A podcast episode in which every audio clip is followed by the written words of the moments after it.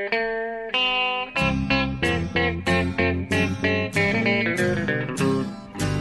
out there, we're on the air. It's hockey night tonight. Tension grows, the whistle blows, and the puck goes down the ice. The goalie jumps and the players bump, and the fans all go insane. Someone roars, Bobby scores at the good old hockey game. Oh, the good old hockey game is the best game you can name. And the best game you can name is the good old hockey game. Hallå, hallå, hallå, hallå, hallå! Då är det dags för NHL-podd igen. Det är avsnitt nummer 140. Lite jubileum får man nästan säga och det är ett speciellt avsnitt för bara för någon timme sedan när vi spelade in där så har det varit trade deadline och eh, det känns ju gött att hälsa välkommen från korrespondenten, eller ja, från burspråket ska vi säga, vid sitt fina skrivbord där, eh, Per Bjurman. Läget? Jo tack, det är fint. Ja. Eh, jag är tillbaka i New York efter min utflykt till Nashville förra veckan som ju var ingenting annat än magisk. Magisk. Ja, men det förstår jag. För... Jag pratar som, som Bäckström här. Magisk. ja, precis. Det dröjer en halv minut innan det där teet kommer. Nej, men Eh, det, förstår jo, jag. eh, så nu är men eh, och som du just påpekade så har det ju varit en eh, eh, trade deadline day idag och det är alltid en, eh, en kör idag kan man säga. Ja. Eh, Gå upp vid 8-9 och sitter vid tvn och datorn hela dagen och sen plötsligt ska det, ja, det ska bloggas och det ska pratas i tv och det ska skrivas krönikor. Och det känns som att man fortfarande inte har gått upp fast klockan nu är kvart över fem på eftermiddagen. Och nu slår vi till med en podd här också. Ja, vi ska säga samma saker en gång till. Ja, precis. Det känns som att vi kastas rakt ut där och samma. Men vi tänkte vi, nu när man ändå är igång så är det väl lika bra att eh, helt enkelt köra vår sammanfattning direkt. För det här avsnittet kommer att vara totalt tillägnat eh, Trade Deadline och allt som hänt sen senast. När vi pratades vid där när du var i Nashville då var typ det hetaste som hade hänt innan dess det var typ Ron Haynes i Pittsburgh. Men vi kan konstatera att det har varit lite annat efter det. Som vi har Ja. anledning att gå in på. Eh, att, Verkligen. eh, tycker du vi ska ge oss in direkt eller? Ja, jag, jag har väl inget... eh, Nu hör jag mig själv, det var jobbigt. Men nu gör jag inte det längre. Nu gör Eh, inte det. Nej. eh, nej, jag, jag kan väl bara säga att där, det var ju bra timing på att åka till, till Nashville. Ja, det, det tycker jag jag ska få konstatera. Ja. För att eh, Filip Forsberg har fått en utväxling som liknar ingenting. Nej. Eh, när förra veckan stod, började så stod han på 16 mål. Ja. Nu är han uppe i 26. Han har gjort 10 mål på fem matcher, inklusive två hattricks och avgörande igår mot Buffalo. Han är ju så sjukt het så det kan inte ha varit många gånger en svensk har varit lika het i NHL i hela historien. Nej, precis. Phil Brary som de har döpt om den här månaden till i det stället du var på alldeles nyligen, Nashville där. Ja, när, när vi pratades vid där i fredags då han gjort två raka hattricks. Men det är inte nog med han gör ju massa assist också. Så efter det så, ja, han var ju högst bidragande till att de faktiskt slog Washington, ett statement. Ja. Eh, och sen så gjorde han ju mål igen här mot Buffalo. Han gjorde väl mål mot, mot Edmonton också eller? Ja, visst. Ja, Visst. precis. Så att, Eh, ja, det är, det är galet. Och eh, ja, och, Scoresburg kallar de honom där nu, med, med all rätt. Ja. Heter, han var utsedd också till februaris. Han och Taves och Holtby var ju februari månads stjärnor. Med all rätt. Med all rätt. Exakt. Och Taves som vi pratade om förra veckan också. Ja, precis. Han har ju också. Ja, Vilket- bra. Men eh, och det fortsatte vara roligt även utanför hockeyn i Nashville, kan jag, kan jag lova. Har du några detaljer? Nej, Nej, eh, det har jag inte åt dig. Inte Nej, så här. så, alltså det får vi inte höra. Nej. Okej. ja. Nej, men du, låt oss istället titta på vad som har hänt sen senast. Och, som vanligt var det väl så att eh, i, idag, sista timmarna innan, eh, så hände inte det tyngsta. Det var inte så att de ritade om kartan idag. Eh, Nej. Men det var å andra sidan, inte, jag tycker vi har varit med om ännu värre antiklimax. Det hände en del. Ja. Eh, Det, var okej, men de stora grejerna hände några dagar innan. Ja. Eh, och, eh, jag tycker vi kan kasta oss på den allra största. Det största bytet ute där var Kevin Shattenkirk i St. Louis, backen. Och eh, det var något oväntat. Washington Capitals som, som kapade honom. Ja, det får man ju ändå konstatera att det var. Alltså, vi har ju pratat om det så länge nu. Till och med redan i somras var det ju snack om att St. Louis faktiskt inte skulle prioritera och lägga de här stora sedelbuntarna på Shattenkirk som vill ha upp mot 7 miljoner dollar per säsong i capita. Så att, Vänta, vänta, får jag avbryta den frågan? Ja. Fan vad förkyld du låter.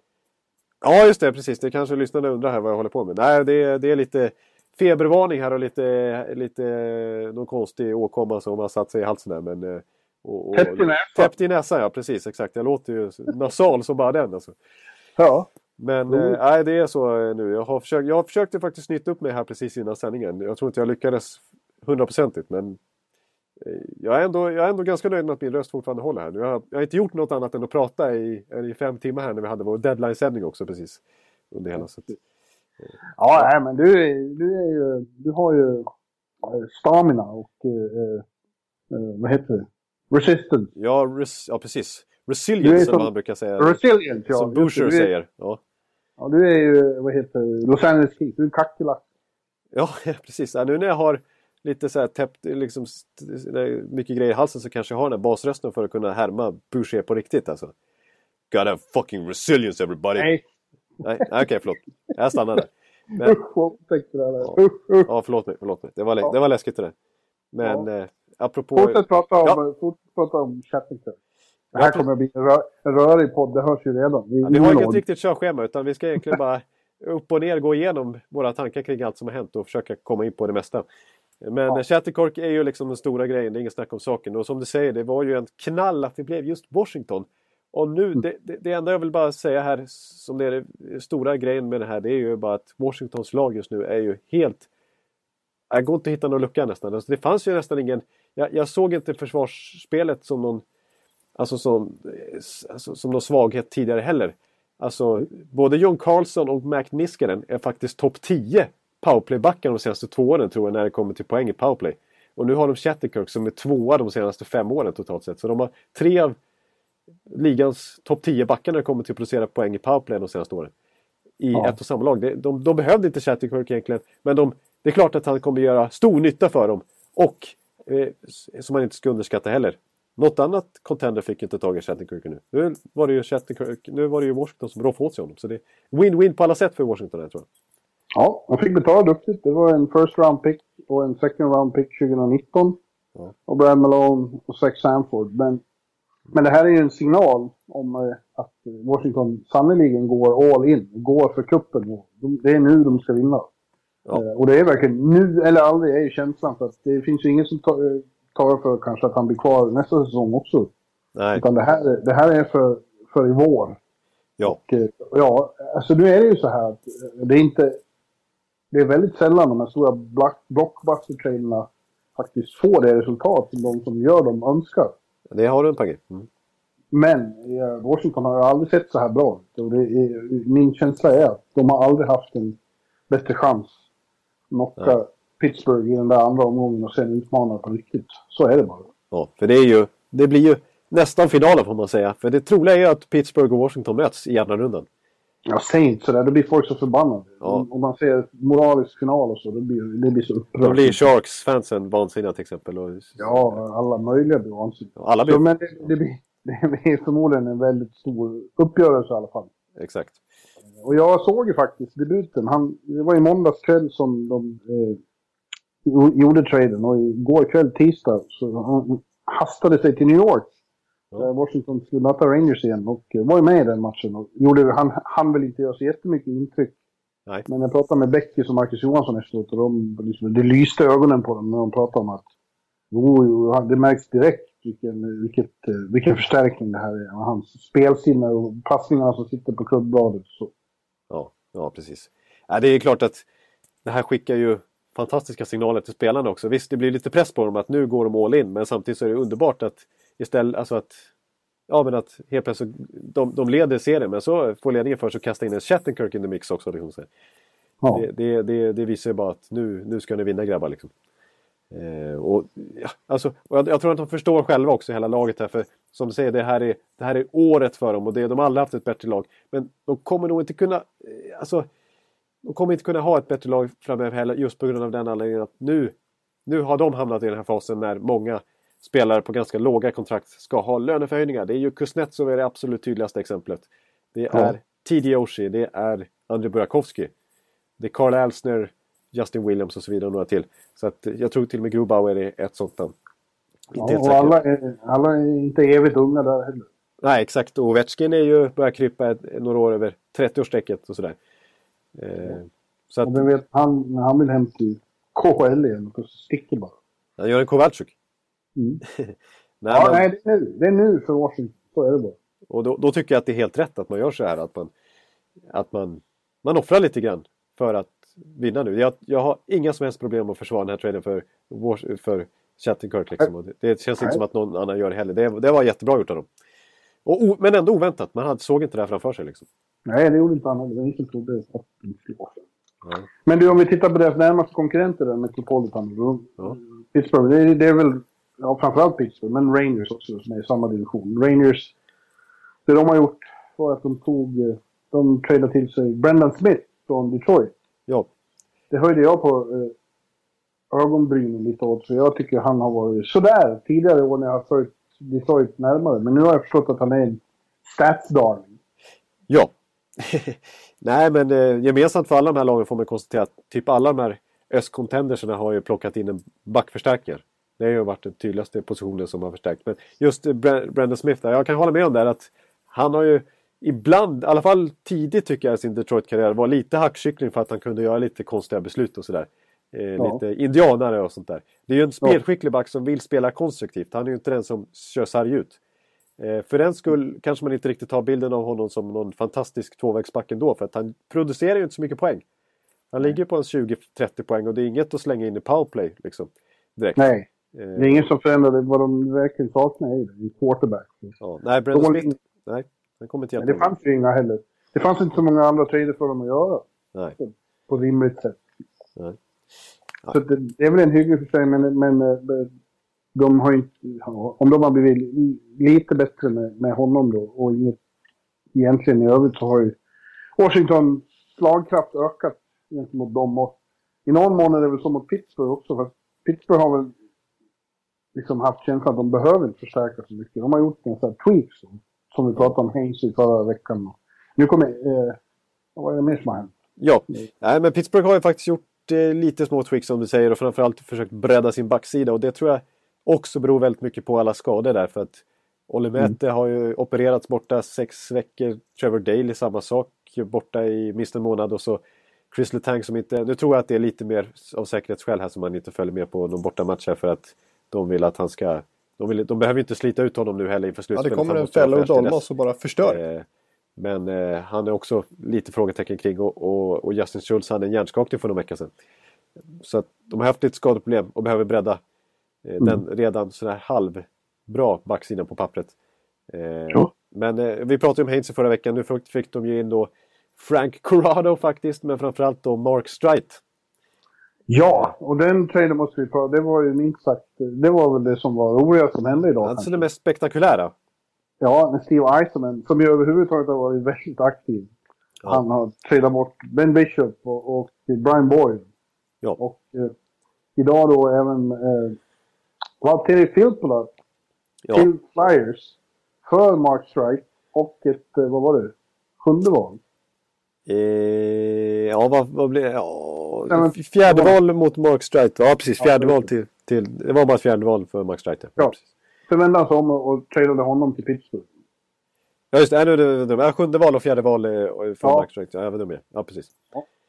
Och eh, ja, det visar ju då att Tampa är säljare, men de är också, han har ju också helt briljant gjort, gjort sig av med alla problem här med, lönetaket.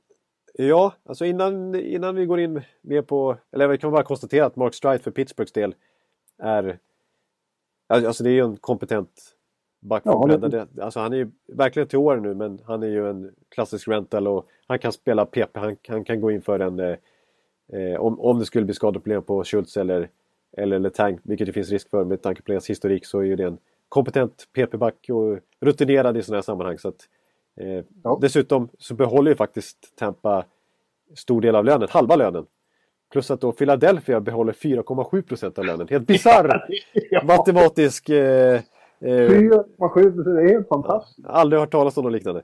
Eh, väldigt pikant. Men, eh, så det är en billig och eh, bra förstärkning av Pittsburgh får man säga. Inte någon Shattenkirk-klass naturligtvis men eh, lite kvantitet har de, har de skaffat sig. Och det finns något gammalt ordspråk där borta väl att man kan aldrig ha för många veteranbackar i ett slutspel. Nej, det är bra. De har ju verkligen stärkt djupet. Ja, precis. Och de har ju, kan de vara skadefria så har de ju Letag och sådär. Det, det, det, finns ju, och Justin Schultz har ju gått och blivit nu den här offensiva poängproducenten i PP man hade förväntat sig.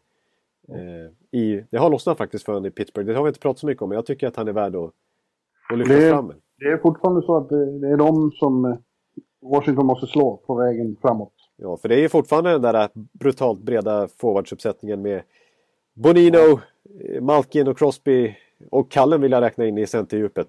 Och, och så ytterforward så det räcker och blir över. Karl Hagelin är faktiskt den, råkar jag, vet, råkar jag så här, den, sen 2010 tror jag att han är den, den eh, forward, eller spelare överhuvudtaget som har spelat mest slutspelsmatcher.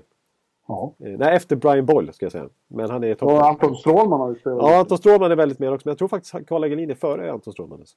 Ja, ja okej. Ja, skitsamma. Ja. Nu, nu måste vi ta, eh, eftersom vi kom in på det som hastigast där, eh, Tampa. Vad, vad är det han... Ja. Han, har- han har rensat inför sommar. Ja, precis. För nu kan man tycka, om man inte riktigt satt sig in i det här och är så här brutal tampa, tampaian som jag är. Så, eh, så, eh, så kanske man tycker, varför bara offrar man Walter Filppula så här rakt upp och ner? Eh, och han har ju gjort en ganska bra säsong dessutom i år. Eh, efter en något svag poängproducerande säsong i fjol så har han studsat tillbaka fint och, och gjort det bra. Även om Tampa som lag har gått sådär. Men, men äh, den stora anledningen är naturligtvis då att, att eh, Tampa har ju väldigt många spelare de så gärna vill skydda i expansionsdraften som kommer.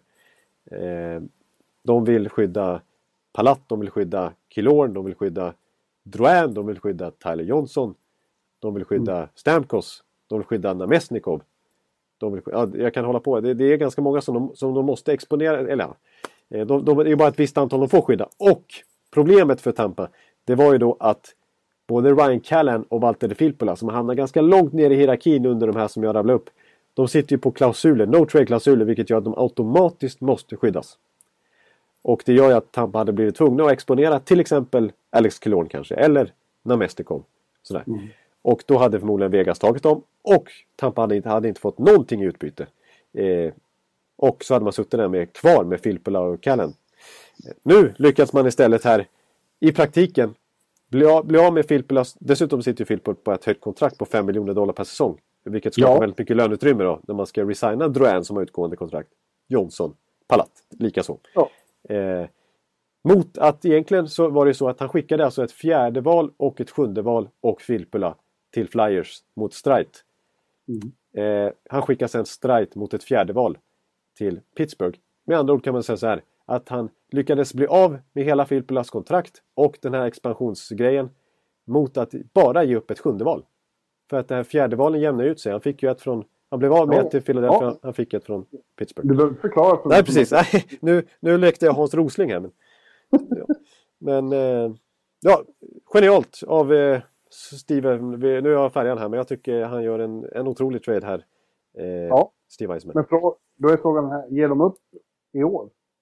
Ja precis, det, det kan man ju ifrågasätta. Jag har lite Tampa-polare här som har hört av sig och tycker så här. Kunde de inte behållit Strite då? Och skita i det där fjärde valet som de fick från Pittsburgh och bara behållit Strite liksom. Han hade kunnat Ja. fylla en funktion här. En liten push. De är ju bara fem poäng från slutspel och spelar väldigt bra här i februari. Pissade... Förlåt uttrycket. Förlåt. Jag höll på att säga, jag höll på att säga pissade på Ottawa. Det var otroligt Ja, dåligt. det ska man väl för fan inte säga. Nej, det får man inte. Det är riktigt dåligt. Riktigt dåligt. Ja, så får man inte. Så får man inte. De slog Ottawa med 5-1. Mm. Eh, och eh, vilket språk jag har. Men, eh, men eh, ja, det har sett bra ut i alla fall. Så att det finns ju fortfarande en, en realistisk chans att nå slutspel. Och, men nu väljer man ju att vara toksellers här och offra både Boyle och Bishop dessutom som vi kanske kommer in på. Så att eh, lite märkliga signaler kanske från, från Iceman men samtidigt eh, bryr inte han sig om sånt, Iceman, utan han, han eh, gör ju alltid något för lagets bästa på sikt, brukar han ju snacka om. Eh, då får Duran till exempel stryka på foten när han har eh, trade eh, och sånt där. Och Selvi när han ska hålla på och bråka. Det är Iceman som bestämmer. Och nu har han bestämt sig för att Tampa ska vara sellers. Du nämnde Ottawa där. De har det varit mycket prat om. Folk sågar ju den här traden då när de skickar rättigheterna till Jonathan Dahlén. Ja, Och, eh, för Alex Burrows och Yes. Det låter ju som, jag har väldigt dålig koll på sådana unga eh, prospects. Mm. Nej. Men det låter ju som de kommer få lida för på sikt, säkert. Och han kommer bli säkert stor och så. Men jag tycker ändå nu på kort sikt, om man ser till nu, i år, Mm. den här racet nu, Ja. så känns det som att eh, eh, Ottawa har faktiskt eh, rustat bra. Ja. Eh, har, och det är tydligen så att Boucher har kommit med en önskelista på spelare och fått allihop. Alltså, Han ja. har fått de spelare han vill som han vet passar in i hans system. Ja. Och jag tror, jag tror nu för tiden, numera, Ja. as of now, ska jag avslöja det här, Ja. att eh, Ottawa Senators är en dark horse i slutspelet. Oj! Jag vill att... Jag vill, eh, du, får, ja, eh, du får utveckla lite grann vad, du- vad du tror där. Ja, jag, eh, ta det här. Eh, 2011 då var ju Tampa inget lag som skulle gå till någon final egentligen. Nej, det var Bouchers lag. Ja. De hade ingen personal för det egentligen. Men Nej. Boucher tog dem från 1-3 underläge i första omgången mot Pittsburgh till 4-3 seger. Sen svepte de Washington Capitals. Jättefavorit då, Washington. Mm. Ja, och sen i konferensfinalen så tog de Boston till sju matcher. Precis. Milan Lucic avgjorde med två minuter kvar i sjunde matchen. Ja. När, när, med andra ord, när Boucher får ett lag att, att spela efter hans eh, klarinett Ja. så blir det ett väldigt bra lagbygge. Och jag tror att när han fått in spelare som Burrows och Viktor Ståhlberg och nu Jyrki Jokipakka Ja. eh, så, så det, ja, de, kan bli, de kan bli otroligt obehagliga överraskning för många. Tror jag. Alltså den här bredden som vi klagar på hos Ottawa från början av säsongen. Eh, som vi trodde skulle bita dem i rumpan till slut. Den har de ju insett att de måste göra någonting åt. Och nu har de ju verkligen lassat på med veteranforwards här. I Barrows och tidigare Wingles och så Stålberg. då. Och något som jag vill säga gemensamt med de här tre killarna som de tog in, förutom att de är veteraner, alla, tre om jag räknar in Wingles också, så är det ju bra skridskoåkare. Det är ju ganska moderna spelare även om de är 30 plus. Alltså, Burrows har ju varit känd för en, som en otroligt feisty spelare naturligtvis, men också snabb spelare. Och Victor Ståhlberg är känd som en av ligans snabbaste. Och även Tommy Wingles har liksom fart på rören. Så att Boucher vill ju ha en snabb kontringshockey liksom. Och, eh, Lå- Och låt mig då säga att om de skulle fällas in i helvete så de vann kuppen då, då spelar det ju ingen roll. Eh, nej, då, då får Jonathan Dahlén helt enkelt vara värd den kostnaden. Då, kanske. absolut. Det är ju så, hade Washington, eh, om Martin Erat hade varit så bra som de hoppades och de hade tagit en Stanley Cup då, Mm. då hade det ju varit värt det. Hur bra Phil Forsberg nu än är i Nashville. Det, handlar, det går ut på att vinna Stanley Cup, inte ha så, så bra och sevärda spelare som möjligt om det inte leder till någonting. Nej. Nej, det är klart. Man, och det måste ju vara en, eh, något man får evaluata från tid till tid. Det går inte att kolla i efterhand hela tiden. Utan det är, man vet ju inte riktigt hur, hur unga spelare kommer att utvecklas. Eller? Det är lätt, väldigt lätt att säga så här på förhand. Men ehm, ja, alltså. Ja, du har ju hört min, eh, min, min Dark Horse utfästelse. Ja, det var lite oväntat ändå. Men jag tycker inte du är helt... Eh, alltså jag, jag, jag vet, men jag, samtidigt så vill jag påstå så här också att Atlantic-sidan av slutspelsträdet är ju ganska förmånlig. Det går att ta sig till en eh, konferensfinal lättast möjligt om man jämför med andra. Eh, om man jämför med till exempel Metropolitan-divisionen där de måste... Där kommer det gå till sju matcher. Alltså jag menar, det är Columbus, Rangers och Pittsburgh och, och Washington som ska hålla på att tampas med varandra. Ja. Det ja, blir kämpigt det, alltså. Det kommer vara långa matchserier och trötta och så, här, så ska de komma till en konferensfinal till slut mot ett Ottawa som kanske har mött, vad vet jag? Ja. typ som, det ser ut ja. som det ser ut nu så är Rangers predestinerade att att komma in i Atlantic som eh, wildcard-lag. Just det. Precis, Det och det är ju en fördel för dem. Tror, jag tror man ja, på pappret. Men det är ingenting som säger det. de här lagen plötsligt kan börja spela svinbra slutspelshockey.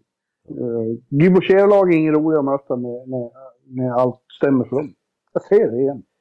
Men du, då blir det lätt att titta på deras granne då, som nu än så länge är före dem i Atlantic-divisionen. Montreal har ju gjort väldigt mycket också här inför, Ja. inför den. Ja, eh, Mark Bergevin... Framförallt har ju Bergerin konfunderat omvärlden med att ta in så mycket grit sista dagen. Ja, alltså det här...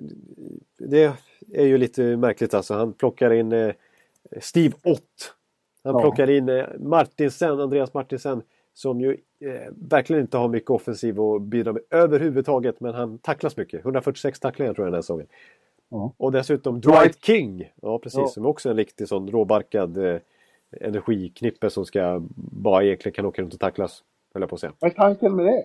Ja, ja, man blir ju lite konfunderad. Claude Julien som har bett om den här Ja, alltså, ja, men man undrar ju liksom för att när PK Subban blev traded mot Shea Webber som kändes som lite sån... Visst, Shea Webber är en spelskicklig kille så det var ju inte bara en sån. Men det kändes som att man grittade till sig lite då och ville ha lite mer råbarkad, tuff back istället för en spelskicklig underhållare som Subban. Eh, Ja. Men då kändes det som att Terrien hade mycket att säga i den diskussionen. Men nu är han borta och nu är det Julien som är känd som en possession coach som vill ha spelskickliga puck eh, trollkarlar liksom.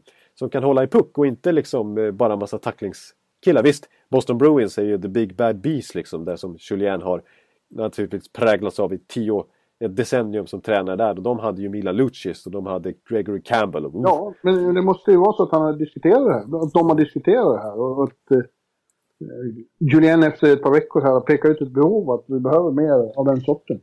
Ja, det känns samtidigt Det också som att Bergeville Det har, känns- har fått för sig Det det känns också. så o- omodernt och tråkigt tycker jag. Men, eh, Ja. men ja, nu är det så. Ja, de ska börja tacklas och vara, vara ett gammalt eh, Broad Street bull, Bullies. Bullies? Bullies? Bullies? Ballis! Bullies! Broad Street Bullies. Ballis! Ja, ja, de Ja. behöver lite balle nu. Ja, lite... Nej, vad, ja. Mitt, mitt språk är jättedåligt i den här podden. Men... Bullies. Eh, bullies. Bullis. Bullies. Broad Street Bullis. Tack. Nu, så. Nej, men- Nej, men... Eh, nej, jag förstår mig inte riktigt på måste jag säga. Eh, det här. Och framförallt just att det är Julien som har tagit över också. Jag förstår inte riktigt logik. Får inte ihop det här. Eh, Nej. att, att han vill spela den här typen av hockey. Vi får se hur, hur, hur det kommer se ut. För det kommer vara en tydlig förändring. I, känns det som, för Montreal. Ja, intressant. Det, alltså, kan, men- kan det vara lite så här, jag, jag fick en teori i skallen som inte alls funkade för USA i World Cup. Men de fick ju för sig att vi har ändå inte tillräckligt mycket skill för att kunna slå Kanada, USA alltså. Så vi kör bara på en sån grit. Vi kör på Abdelkader och så vidare. Vi kör på Backes och Callahan. Som de vill ha med sig. Men eh, det sket ju sig totalt. Ja, Men det känns som lite, lite den stilen att typ att äh, vi, kör, vi, vi har inte skillen men vi kan ha gritten för att ta oss långt. Om du och jag såg att vi gick åt helvete så såg väl Mark Bergevin och Claude Julien det också. Ja. Det, det kan man ju tycka. Och Julien som till och med var på plats och stod i det kanadensiska båset. Ja. Eh, Ja, det är ett mysterium, men det ska bli spännande att se. Ja, hur, hur det kommer se ut i dagens moderna hockey med den här typen av Ja. satsning. Ja, verkligen.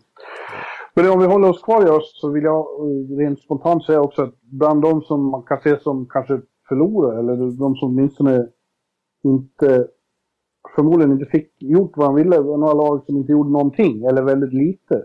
Och då tänker jag framförallt på Islanders och Bruins. Som är ju indragna i slutspelsjakten och väl kanske borde ha behövt eh, vässa lite. Eh, sin offensiv framförallt. Eh, om man sett till vilka de konkurrerar med. Ja, de ser ju inte, ser, går ju inte ut som vinnare i den här trade deadline utan de höll sig ganska... Ja, de ser inte ut att satsa direkt. De hängde, de hängde inte med i kapprustningen om man säger så. Nej, jag tror nog att de försökte, men att det helt enkelt aldrig fick till några bra affärer som de tyckte var tillräckligt värda. Det är till exempel otroligt konstigt att ingen av dem eh, rycker Verbata i Arizona som blir kvar där. ja, ja, det verkar vara... Kommer, kommer att gå för ingenting i sommar. Ja, precis. Det är lite märkligt att, att eh, man undrar hur, vad Arizona hade egentligen för prislapp på en. Om de, Ja. alltså, men eh, det var ju som vi pratade om. Hanna passar väldigt bra i, i, i, i Islanders till Jag kunde chansa att sätta han med Tavares till exempel. Han har ändå haft en fin s- målskyttesäsong i år. Alltså, han har ju, han har ju... Men det är väl, alltså visst det har pratat mycket om de här bonusarna han har. Som eh, det lag som byter till sig honom måste ta över. Till exempel att han har spelat över 30 eller om det är över 40 matcher nu. Eh, så eh, måste de betala, så blir det en halv miljon till de måste betala till han i lön som börjar gälla först nästa året och som dessutom dras mot lönetaket. För den klubben som byter till sig honom. Och även om man gör ett visst antal mål, om han går så här och så här långt i slutspelet så blir det ännu mer pengar. Men det var ändå maximalt tror jag en och en halv miljon man måste betala extra. Så det är inte fruktansvärt mycket ändå. Nej. Det skulle kunnat gå att pressa in tycker man liksom. eh, För något lag. Typ Boston eller Islanders kanske. Men Jag tycker det finns andra också som, som väl var föreställda skulle vara sellers som inte heller fick någonting gjort. Buffalo. Ja precis, Kulikov blev kvar. Ja. Eh, UFA, Unrestricted Free Agents alltså. Som inte blev skickad någonstans. Ja, jag såg att han Harrington som skrev Buffalo News tyckte att efter den här fiaskot så hänger Murray lös. Här hade Buffalo chans att knyta till sig lite eh, Ja. framtid. Brian Jonta till exempel är kvar också. Så att, eh, Ja, mycket konstigt. ja, det, det håller jag med om det. De är... Buffalo, ja, det är, precis. Vi har inte pratat om den i hela den här deadline-sändningen men det de var väldigt tysta. Det hände ju ingenting. Och de borde ju varit sellers. De Ja, måste ju släppa den här självbilden av att de ska ha kommit ur sin rebuild och vara riktigt bra redan i år. De vill ju så gärna tro det men det har inte blivit så. Ja. Och då är det lika bra att försöka ta, ta till sig lite assets istället för att hamna sj- sjunde sist och inte få någonting ut för det liksom. Deras granne Detroit vi var ju sellers ordentligt. De har accepterat eh, läget. Ja, och det ska de ju ha en liten applåd för Ken Holland ändå vill jag påstå. Eh, istället för att återigen återupprätta den här konstgjorda andningen och försöka göra allt för att klämma sig över slutspelsstrecket och hålla liv i den fantastiska sviten. Nu har Nej, nu, är de... det bara, nu är det bara tankar. Ja, precis. Det är faktiskt Det det. kommer de ju inte att göra eller säga att de gör. Det kommer ju vara otroligt tråkigt för dem som ska göra det. Men, men eh, ju, ju längre ner de kommer desto bättre. Ja, precis. Nej, men de... De tycker jag har gjort ganska bra affärer. Jag menar, de får ett andra och ett tredje val. Var till och med Ja. mer för Brendan Smith. Eh, Ja. De lyckas få ett tredje val för Thomas Jurko som hade, slag, som hade alltså kört fast totalt i Detroit. Gjort noll poäng den här säsongen, de 16-17 matcherna han fått spela. Mm. Och eh, de lyckas få, alltså jag trodde inte att någon klubb skulle vilja ha Steve Ott, men de lyckas få ett, var det sjätte val eller någonting? Ja. För honom. Så att eh, det enda som var lite negativt det var väl att Thomas Vanek bara genererade ett tredje val. Och en Dylan McIlrath som ju aldrig lyckats etablera sig i Rangers och som inte ens varit uppe i NHL nästan i Florida Panthers som känns lite... Just what you see is what you get ungefär. Ja. Men eh, ja. Nej, men det var ju en bra deal istället då för Florida. precis. Det kostar inte mycket och det är ingen chanstagning alls. Nej, de får in en formstark eh, eh, Thomas Vanek som man kanske får för sig är typ så här 35-36. Han har varit med så länge men ja, han, är, han är ju inom citationstecken då bara 33. Mm. Och eh, har ju en mycket stark comeback-säsong här får man säga. I Ja, sig, det har. När han har studsat tillbaka rejält och öst in mål. Nästan Känns som som att han kommer, kommer ha roligt med Jagr. Ja, det tror jag också. Och det här är... Ja, jag tycker att eh, Floridas forwardsuppsättning ser ganska spännande ut där. Jag har ju hyllat deras backuppsättning tidigare också. Så att eh, de har alla möjligheter att klämma, en av, klämma in sig och ta en av wildcard-platserna eller Atlantic-platserna. Det är ju så otroligt Want flexibility? Take yoga. Want flexibility with your health insurance? Check out United Healthcare Insurance Plans. Underwritten by Golden Rule Insurance Company, they offer flexible, budget friendly medical, dental, and vision coverage that may be right for you. More at uh1.com. jämnt. Men det är ett annat lag som man trodde skulle göra sig av med mycket mer. Är Colorado då. Att Ja. de inte gör sig av med att ingen som knappar på Duchene och Landeskog får vi se som väntat. Det hade varit superkul om, om, eh, om det hade hänt. Det sades ju till att Islanders till exempel var jävligt sugna på Duchene, kan man ju tänka sig. Ja. Eh, Och att Boston och Montreal och Kings ville ha Landeskog. Men det var ju för dyrt och eh, det är ju som vi har konstaterat några gånger inte de som är problemet i Colorado. De två stjärnor nej. har sin stomme där, det, är inte problemet. Det är att laget i övrigt är så klent byggt. Men de fick inte heller väg särskilt mycket. Nej, nej, det blev väl typ nästan bara Iginla. Ja, ja det, han är ju särfall. Så... Låt oss, ja. Men säg först vad du ska säga om Colorado. Nej, men eh, ja, ja, ja, alltså Ja, ja, men Ja, ja, ja. Nej, men, de, nej, men jag kan ju förstå på ett sätt att, att, att det inte fanns så mycket intresse för det de hade att erbjuda. Typ Fedor Tutin, eh, Grigorenko och sånt där. Nej. De har ju varit så otroligt formsvaga hela bunten. Det är ju ingen som har stuckit ut i det här laget. Så, att, eh, så det, det, det var väl därför helt enkelt. Eh, och sen tycker jag att det är rätt av Joe Sakic att den här gången efter att ha förlorat Ryan O'Reilly-traden ganska ordentligt och släppt Stasny gratis som unrestricted free för några år sedan. Att de, alltså den här kåren som har blivit lite ur, utarmad om man ska säga. Eh, och, man, och han inser själv att det egentligen är inget större problem med, som du säger, med Duchene och Landeskog. Det är inga dåliga spelare liksom. Eh, ska man väl nu eh, träda bort någon av dem, vilket ju egentligen som du säger, det är ju inte det som är problemet. Då måste man ju få fantastiskt bra betalt. Ja, Eh, ja absolut. absolut. Jag, jag, jag, håller, jag tycker nog säkert har haft en korrekt strategi nu, eh, även om det blev väldigt lite gjort här vid trade deadline för en rekordjumbo nästan.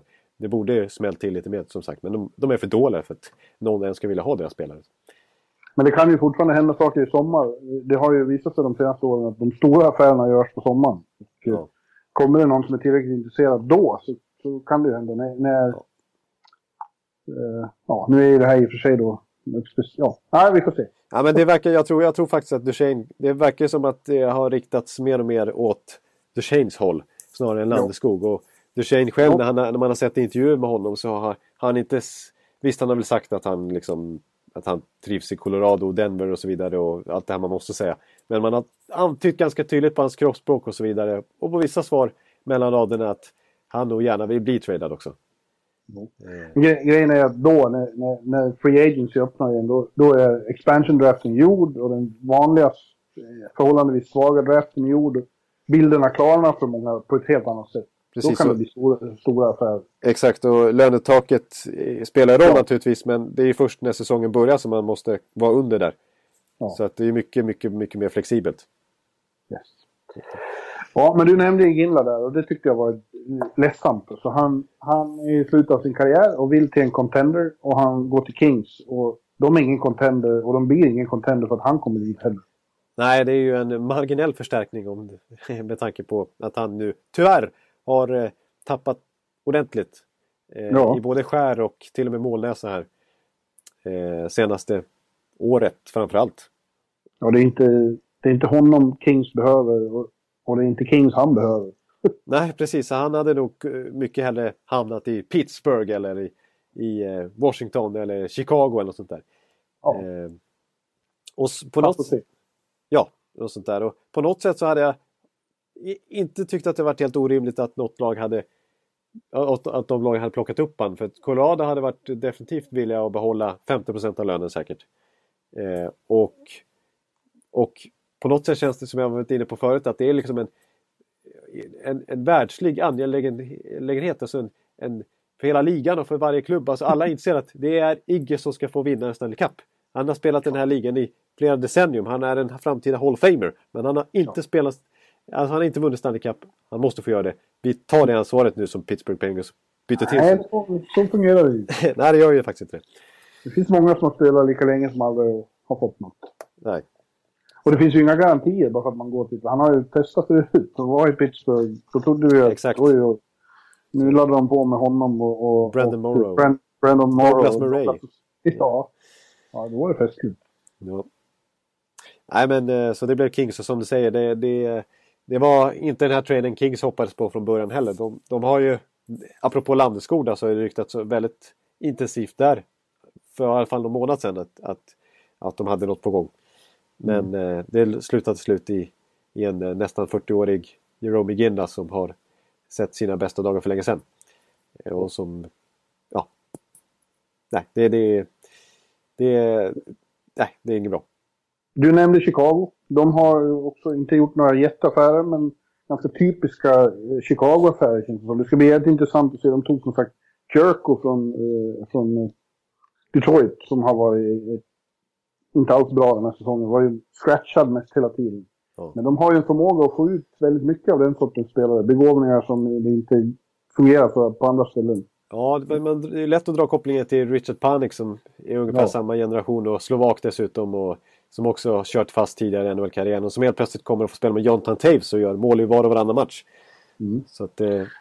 Ja, och sen Johnny Oduya då kommer hem Ja. efter knappt två säsonger i Dallas. Så tar de hem Johnny för, och såg jag idag och vill gärna spela ihop med Hjalmarsson. Hjalmarsson är frisk igen.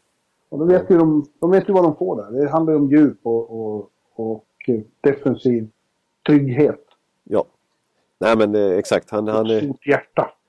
Ja, precis. Jag kommer ihåg i Stanley Cup-finalen 2015 när han var tokskadad. Känns det som. Han eh, hade ont i händer och armbågar. Han kunde inte skjuta slagskott. Han kunde... Och han eh, satt för sig själv längst ut på bänken och grimaserade och försökte vända sig bort så inte lagkamraten skulle se typ. Att han hade Mm. ont.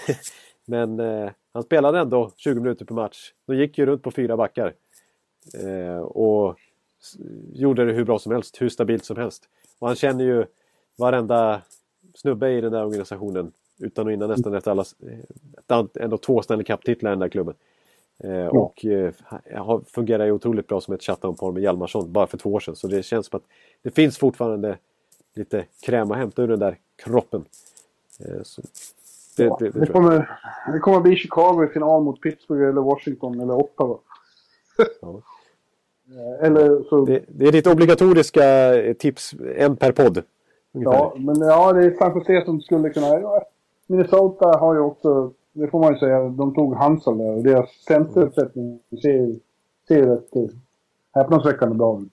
Ja. ja. Det det... har tillskansat sig Jannik Hansen, dansken. Ja, det är plötsligt lite dansk dynamit med både Bödker och Hansen som har kommit dit nu den här ja. säsongen. Eh, och deras bredd ser ju rätt bra ut. Får. Ja, på något jävla konstigt vis, trots att Brent Burns har den här fantastiska säsongen och trots att de var i final i år så känns det som att de går lite under radarn ändå. Ja, de har, jag håller med dig. Det är liksom, det, alltså Minnesota har ju blivit lite rubriklaget den här säsongen för det är så pass oväntat och en ny, ny tränare och ja. ja. det är revival på eh, Mikael Granlund och Erik Stahl och sådär. Och, och Dubnyks fantastiska målvaktsspel och, och så vidare. Eh, medan, och Sharks liksom lite förväntat att de ska efter Stanley Cup-final ska gå bra den här säsongen också. Men de går lite sådär mini-halvbra. Så det som är bra att göra. Lite sådär, som du säger, lite i skymundan. Det är nog bara bra för dem. Mm. Det är det nog. Och, ja. Nej, men Chicago. Jag säger Chicago. Usch, de var bra de kommer vara. Ja, när, eh, ja, jag har svårt att säga emot nu med tanke på hur ofta man har sett deras core-spelare eh, levla upp några snäpp när det har blivit dags för viktiga hockeymatcher. Ja. ja, nej, det blir ju så jävla kul. Alltså det är ju... Det är ju nu börjar det på riktiga spurten. Börjar ju efter traden. Det är inte mycket mer än en månad kvar. Vi är i mars. Nej, det går snabbt nu. Det är intensivt schema på slutet också. Inga bioweeks eller så här skit jag på Det är så jävla skönt med att det är mars. Bara en sån sak. vi har januari bakom oss, vi har februari bakom oss. Eh, vintern är över. Ja, nu är det vår. Jag hatar januari och februari. Så det är en stor lättnad. Psykologiskt stort. Om bara några dagar här, eller bara dag, 12 dagar, då ställer vi om till sommartid i, i USA. Ja, just det. Ja, det, det, är om, det om något är ju psykologiskt eh, befriande. Ja, då blir det bara fem timmar i tre veckor till Sverige också, så vi får mer tid på oss att skriva och så. Ja, just det, precis. Ja, ja nu kommer jag lite off topic här. Har du något eh, mer eh, från eh, trade? Ja men... Eh, Branchet du vill komma in på? Ja, jag... Nej men jag, du nämnde ju Martin Halsall där kan vi väl stanna upp lite vid. Det var en ganska saftig trade. Ja, men ganska, ja, det var dyrt precis. Det var, de, de slängde iväg eh, första val, andra val och conditional tredje val som till och med kan bli ett andra val och sånt där. Jag har inte framför mig nu men det var, det var fullt av draftval som Minnesota släppte. Och jag kan på ett sätt förstå det att det var, det var lite för dyrt, det var det faktiskt. Men de har ju som fantastisk framtid också. Utöver det här fina laget de har nu. De sitter ju på jättemycket prospects. Joel Eriksson Ek är ju ett av dem. Kirill ja. Kaprizov som har varit fantastisk KL den här säsongen och som var kanske en av JVMs bästa spelare. Och Jordan Greenway och Luke Kennin och allt vad de heter. Så att eh, Alex Tuck. Så att det, det finns så räcker att bli över med prospects där så de kanske kan avvara någon draft här eh, nu faktiskt för att, för att satsa den här säsongen när det ser så bra ut. De leder ju Western Conference. Och eh, ja. vi pratar alltid om hur viktigt, vi, ordspråket där med att det är alltid man bra djup backsida. Men centersidan brukar ofta vara väldigt avgörande faktiskt också för slutspel, slutspel hur det går. Verkligen. Och nu sitter de ju då på Stahl, Koivu och Hansal. Ja. Det är riktigt bra. Och fjärde är eh, inte så dumt det heller. Nej, Haula har varit där, men vem är det de har där egentligen? Vänta ska jag ta om. Vi, ja, vi måste... Det, ja, nu har det varit Gravwack. Ja, just det. Gravwack. Han har ju till och med varit på Waversens väg, men han har ju varit helt okej när han har spelat. Men... Ja. Ja, men... Eh, ja. Men, alltså, men nu, har de ju, nu har de ju påssjuka där också. Just det, den har drabbat Minnesota till och med. Ja. Oj, oj, oj, den är tillbaks. Det var ju två år sedan nu. Och så dyker ja. den upp igen den där Det är ju så bisarrt egentligen. De får sluta spotta så mycket. Ja, det är det de håller på med. De spottar på varandra och dricker i varandras eh, vattenflaskor. Usch ja. Usch. Ja, men... Eh, Ja, nej, men Att- Minnesota ja, det, blir, det blir ju bara i deras division där. Det är ju ett mästarmöte förmodligen mellan Chicago och Minnesota vad det lider. ja, exakt.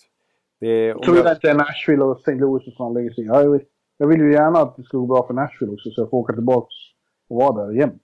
ja, Äta på Martins Barbecue och gå på Roberts Westworld på kvällarna. Oh, ja, yeah. just, ja, just det. Ja, det har jag förstått. Ja, men, eh, ja, men Minnesota ser starka ut och jag förstår att de, att de eh, satsar redan i år här och verkligen försöker vinna med det här laget. Det är, Calgary, Calgary Edmonton då. De har också gjort några små grejer som känns helt okej. ja, vi kan börja med Calgary som tog in eh, Curtis Lazar faktiskt. Jag som inte har fått eh, den utveckling som det var tänkt i Ottawa och kanske kan få eh, bättre eh, användning för sin talang i ny miljö. Det känns som det var dags för det. Det var en sån typisk eh, rätt spelare i fel miljö på något vis. Eller som man ska säga. Ja. Eh, han var ju junior-VM-kapten för Kanada så sent som 2015. Eh, ett gammalt för, valde första rundan för några år sedan och, och duktig i juniorligorna i Kanada där.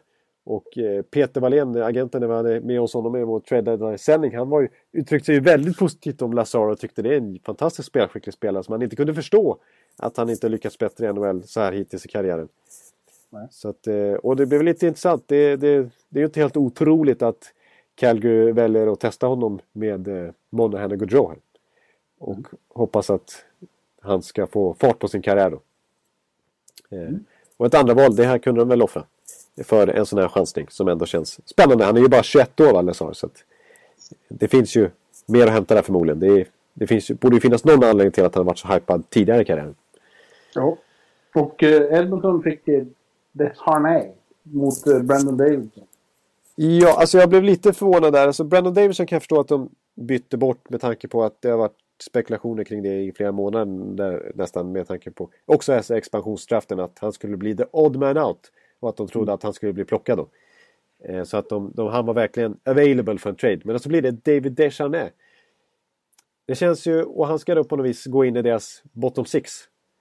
Och eh, visst, han har, han har haft den rollen delvis i år i, i Montreal. När, när Julien har tagit över nu så har han blivit scratchad. För han är ju för liten då uppenbarligen för den här nya Julien Bergevin-stilen här. Det går inte med en 1,70-spelare liksom. Det är när vi ska ha eh, Andreas Martinsen istället.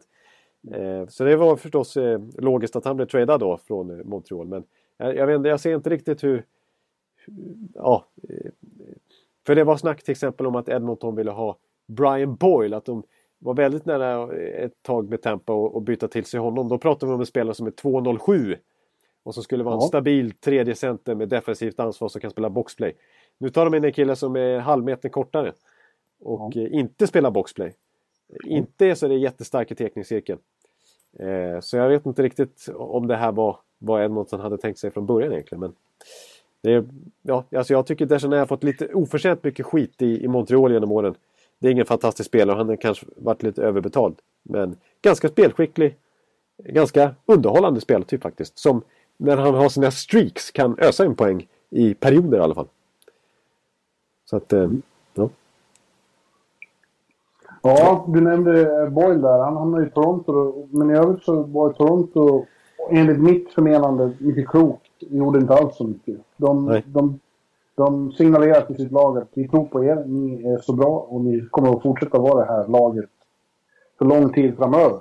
Ja. Bara tweaks. Eh, jag vet inte, du vet mer om vad Boyle kan bidra med Ja. i en un- birollsroll. ja. Ja, Han är ju en eh, fin... Biroll kan man säga istället för bilrolls... Ja just det, det, det har du en poäng. Ja. Ja. ja, just det. Birollsroll. Ja, ja. En sån Han roll. är ingen Rolls Royce i alla fall. Nej, det är han ju inte. Nej, han är mer en eh, Silja Line. Han är, Ja, han är ju ett, han är enorm. Han är ju fantastiskt bra i, i så här, han är- en märklig spetskompetens han har. Det är ju eh, tre mot fem spelare. När han bara ställer sig långt ner i boxen och är som en målvakt. Och liksom får alla, alla skott som skjuts får han på sig nästan. Han var grym i tre mot fem. Faktiskt för att han offrar sin enorma kroppshydda för att täcka skott. Eh, Ja. Och behövde inte röra på sig så mycket för att han liksom stod ju precis framför målvakten och liksom räddade, fick skotten på sig kan man säga. Eh, Så det, det alltså, ja. Han är ju som, som jag sa, jag sa att Karl Lagerlin hade spelat näst mest eh, slutspelsmatcher 2010 och Brian Boyle är alltså etta på den här listan. Han har ju varit långt i slutspel med både Tampa och New York Rangers.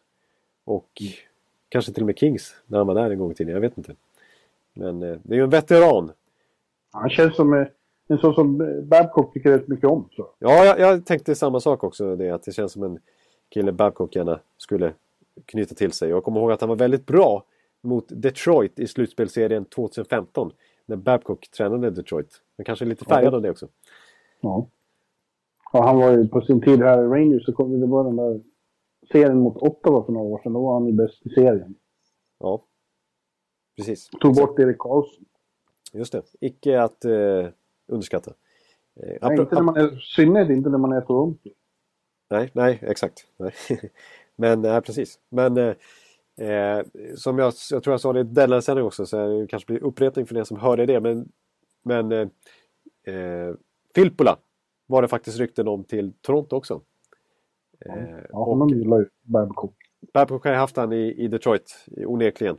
Och att han skulle ha blivit en tredje center där kanske snarare. Och de har ju löneutrymme också som jag var inne på för några veckor sedan. Toronto. Så de hade kunnat satsa sen men mycket klokt då kanske valde de då att eh, tänka långsiktigt naturligtvis med alla unga spelare de har. Men, men, eh, eh, men det, det ryktas då faktiskt då tvärtom då. Att Filppula inte ville ha att göra med Babcock igen. Han lämnade Nej, det- Detroit. Det kan jag gott tänka mig. Ja. Så är det ju många som har varit i Detroit. Ja. Utan att avslöja för mycket. Nej precis, nej men Detroit är ju ingen players coach direkt. Han är inte den som är tjenis med Nu sa du Detroit är ingen players coach. Ja, det, det, det, det, det är att överdriva. Att eh, dra in hela föreningen här. Men, men Babcock, är, Babcock är i alla fall inte känd att vara toktjenis med, med sina Nej. spelare. Utan han är rätt fram och eh, inga fingrar emellan. Nu kommer min sista kommentar om dagens trader. Ja. Och det är apropå att Toronto inte gjorde så mycket, så gjorde inte heller eh, Nashville, som vi var inne på som hastigast, eh, så mycket heller. De tog in eh, Parenthouse som, som en eh, som en komplement, en bottom six breddare. Ja. Eh, och det var ju också klokt, det vet vi, har vi pratat om så många gånger, att eh, man ska inte störa kemin i Nashville. Nej, precis. Det, det, vi, vi såg ju hur det, hur det gick med Cody Franson och Mike Santorelli för två, tre år sedan. Ja. Och, och nu när de, när de det, det var ju eh, lite kemisvårigheter kändes det som när, när Shea Webber försvann mot P.K. Subban. En enorm kontrast i karaktär. Ja. Ja. Eh, när den skillnaden, det kändes som att det tog ett tag för dem att jobba sig in i den här säsongen. För i början såg det inte alls bra ut. Det var ju lång tid som de inte ens låg på slutspelsplats. Nej, det var ju typiskt Nashville. Och, eh, ja, Subban hade, det har han ju erkänt, det var acklimatiseringssvårigheter. Det var ju svårt att komma in i ett nytt lag. Men nu, nu på senare tid så har det ju, det pratade vi om redan förra veckan. Ja, nu har det satt sig. Ja, Och då, då varför, varför gå in och göra stora ingrepp igen då liksom? nej absolut inte. Det går inte. Så att eh, en liten Parento ska väl inte kunna förstöra det här. Utan eh, tvärtom kanske kunna bidra med lite djup. Det är ju ingen Ja. fantastisk spelare längre men eh, har ju lite målsinne åtminstone. Skulle kunna hoppa in i powerplay eller i en andra kedja om det blir någon skada. Jo. Ja, har du något mer? Innan eh, jag tänker stänga. Jag har lite saker att göra. Jag måste springa till kemtvätten eh, med kläder så jag hinner få tillbaka innan jag ska åka till Florida på måndag och träffa en jävel känner. Ja, ja just det, precis. Eh, nej men eh, två trader som jag vill bara ta upp snabbt. Den, den första, eh, vi sa att Boston inte gjorde någonting. Precis eh, en, en bit efter att deadline eh, stängdes ner så blev det faktiskt klart att Drew Stafford gick dit. Det är ju ingen jätteförstärkning men en liten bredd. Jag sa, jag sa inte gjorde någonting eller gjorde väldigt lite så. Och Ja. det får väl sorteras in under gjorde lite. Ja precis. Nej, Stafford har en svag säsong i Jets och sådär och eh, har väl sina bästa år bakom sig. Men en liten trade i alla fall av Boston. Eh, och så vill jag nämna faktiskt en trade som hände, skedde i helgen. Patrick Eves till Anaheim. Eh, Ja. Och han har ju ändå gjort över 20 mål den här säsongen och eh, fått en liten metamorfos när han har fått eh, lira under långa stunder med Ben och Sagan. I, mest på grund av alla skador som varit i Dallas. Men då har han ju sett rätt bra ut faktiskt. Eves på lite äldre dagar. Och nu skeppas han mot ett andra val då till Anaheim. Och eh, vi har ju pratat om att de har varit ute lite efter en vänsterforward där. att uh, fylla på med. Uh, kanske till Perry Getzlaff eller till... Ja, uh, så att de breddar på sig lite grann. Och det, har, det tycker jag är ett ganska okej okay lösning av, av Dax mm. att få in Ilstedt. Ganska billigt och, och bra. Nu har vi överhuvudtaget inte nämnt att Big Ben Bishop har lämnat. Nej, det var ju den lilla... Din, din gamla idol. Och nu finns i Los Angeles Kings. Ja speciell trade som vittnar om ja, dels att, att Tampa ville bli av med honom. Nu tänker satsa på Vasiljevski med, med, sin kompis Gudlev. Vad heter han? Gud... Gudlevskis, men eh, Budaj fick vi också. Ja, ja, men Gudlevski är bättre än vad Budaj är. Ja, det vill jag inte... Ja, jag, jo, det vill Jo, jo, jo. Ja. Du ihåg vad Sutter sa om Budaj? Ja, det var inga snälla ord. Nej. Ja, och eh, och det visar ju samtidigt att eh, dels att Kings kanske inte törs lita på att Quick håller. Och då tänker jag framförallt fysiskt, att han kan bli skadad igen. Ja, ljumskskador är ju lite knepigt. Ja. Samtidigt var det finns det konspirationsteorier om att de framförallt inte ville att Calgary skulle kunna ta honom. ja. Nej, det men... som du sa om Chattenkirk, det är inte bara det att Washington har fått honom, de andra har inte fått honom. Ja, det är en liten blockering. Ja. Eh... Ja, ja, vi ska, ja nu har Man vi ändå... i andra sammanhang. Ja, just det. Ja, nu, nu har vi ändå för, liksom... Spåra ur. Spåra ur, ja exakt. Och det, vi kan hålla på sådär. Men, eh, ja. Sen, jag vet inte. Det var någon som hade en teori också om att i och med att det gick så otroligt dåligt för dem att hitta offensiva förstärkningar. Det landade till slut i Ginla. Så kanske de helt enkelt prioriterar att bli så svåra att göra mål på istället som möjligt. Oh. Ja. Tror jag ja. De fick han ganska billigt ändå så att, eh, de blev inte ruinerade av att eh, skicka iväg Erik Sernak och ett sjunde val var det väl. Och Bodaj. Så att, eh, men lite märkligt, det får man ju säga. Nu ska jag göra mig ordning som sagt och gå till Kempetet så jag hinner hem sen och ska se Tampa. De spelar mot en väldigt viktig match mot Carolina ikväll. Hinner de den så är med, med, med i racet igen. Ja, precis. Och jag, ja. jag, jag siktar ju i allra högsta grad på att se den matchen. Eh, vi får se om min förstyrning tillåter det så att jag inte tokdäckar här när jag kommer hem efter den här dagen. Jag har pratat i 6-7 timmar i sträck tror jag. Ja, men då är de på 66 poäng och då står på samma antal matcher spelade som Toronto. Då är det bara tre poäng upp till Toronto. Oj, oj, oj. De måste ju, inte förlora mot Carolina som har gett upp. Nej, nej, usch. Nej, det, och sen är det jättebra, det är bara två matcher men de är bra. Sen är det ju då Chicago-Pittsburgh, en, en högst tänkbar final. Ja. Come June. Ja, kan... ja, Det, det, är grejer. Det låter som en NBCSN-match. Men du, låt oss nu avslöja för våra lyssnare då att nästa veckas eh, podcast kommer att spelas in i Florida. Och då kommer båda, båda herrar Bjurman och Ekeliv att vara där. För på, till helgen flyger Jonathan till Florida. På måndag kommer jag efter och sen ska vi ut på en liten roadtrip. Ja. Eh, inte så liten heller. Eh, och eh, kommer att göra flertaliga podcaster och synas ja. i bloggar och på andra vis. Precis. Det här är ju en liten eh, bomb som slår ner här. Eh, att vi, det här har inte vi har riktigt pratat om här men det så, så blir det i alla fall. Och ja. Eh, det ska bli kul. Det är alla möjliga matcher vi ska se. Vi kommer få se Vanek där i, i Panthers och vi kommer få se Minnesota gästa Ja, det skulle inte avslöja hela programmet. Det, det, får vi se hur det blir. Ja.